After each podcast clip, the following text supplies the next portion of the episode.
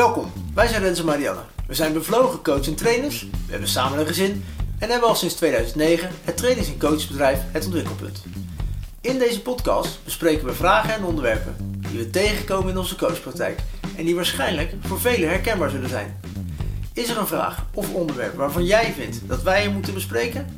Mail hem dan naar info.hetontwikkelpunt.nl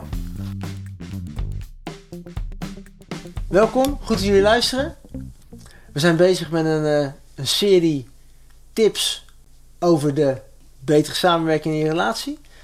En we zijn eigenlijk uitgekomen bij de laatste. Er komen er vast nog meer, maar in ieder geval de laatste Voor nu. waarvan wij zeggen nu, dit is echt een, dit is een mooie. We hebben het gehad over ruimte geven, erkenning geven. En wat is eh, voorlopig de laatste tip die we kunnen geven, Marianne? Nou, wat een hele, hele belangrijke is, is dat houden van een werkwoord is. Ja. Dus je moet er ook echt wat voor doen.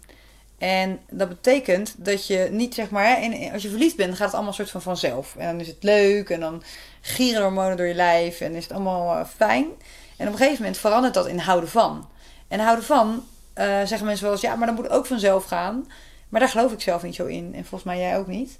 Want eh, ja, je moet er gewoon echt voor werken. Dus daar bedoel ik mee. je En werk is verdiepen- leuk, hè? ja, ja, zeker. Je verdiepen in de ander. Weten wat vindt die ander belangrijk? Wat vindt die ander leuk? Waar wordt hij blij van? Ehm, maar ook eh, vragen stellen aan de ander. Zodat je diegene steeds beter leert kennen. En ehm, bijvoorbeeld, ik weet dat jij heel blij wordt van een massage. En ik hoef jou echt ik, niet blij te maken met spullen. Want Nee. Daar word je gewoon niet blij van. Geloof me, ik heb het vaak genoeg geprobeerd thuiskomen met een leuke trui die ik dan had gezien. En dan gaat hij ergens in de hoek en je draagt hem nooit. En eh, dan kan ik natuurlijk denken, nou, teleurstelling en wat vervelend en Ja. eh, dingen.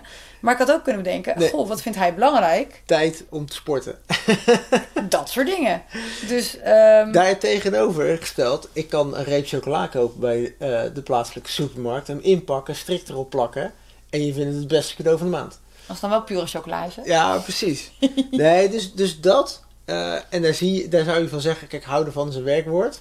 Doe er wat voor voor die ander. En daarmee zeggen we ook gelijk, wees jezelf in een relatie, maar ben niet alleen met jezelf bezig. Ja, maar vind ik wel een hele mooie dat je zegt, wees jezelf in een relatie. Want houden van betekent niet, ik laat al mijn eigen principes varen en ik ga helemaal voor die ander. Bijvoorbeeld, ik ga mijn broccoli eh, verhaal even aanhalen. Bijvoorbeeld, ik at vroeger, toen ik net met jou was, geen broccoli. Gewoon met het idee, ja, Rens vindt dat niet lekker. En ik, ja, ik heb dat eigenlijk nooit verteld volgens mij, dat ik het wel lekker vind, maar we aten het nooit. En op een gegeven moment ging ik me daaraan storen, dat ik dacht, nou, maar ik wil gewoon broccoli eten. En hoe simpel het voorbeeld ook is, toch kan het zo werken in een relatie. Als jij je behoeftes niet aangeeft, dan kan je je compleet laten overrulen door de ander. En hem achteraf daar de schuld van geven. Terwijl het ene, de enige wie ik dan de schuld kan geven is mezelf. Het was wel in het begin van onze reis in de persoonlijke ontwikkeling, hè? Ja, dit is zo'n 20 jaar geleden. maar toch, het is wel een Ja. heel treffend voorbeeld. En ik gebruik hem heel vaak in mijn coaching. Ja. Want juist mensen die bij mij komen, die moeten beter leren voor zichzelf te gaan staan. En dat betekent dus dat je je behoeftes moet leren kennen. En dat je moet voelen, waar heb ik behoefte aan? En dat je dat kunt durven uiten naar de ander. Bij mij was het geen broccoli. Maar was het wel, nee, nee, ik ga nu niet windsurfen. Of nee, ik ga nu niet surfen. Of nee, ik ga nu niet alleen sporten. Ik ben toch thuis, want ik ben even samen. Terwijl mijn behoefte best wel veel zit op in mijn eentje door een bos rennen, fietsen, op het water.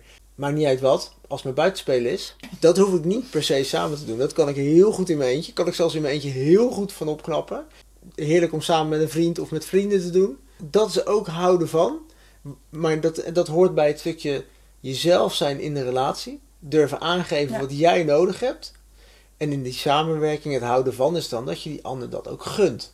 Ja.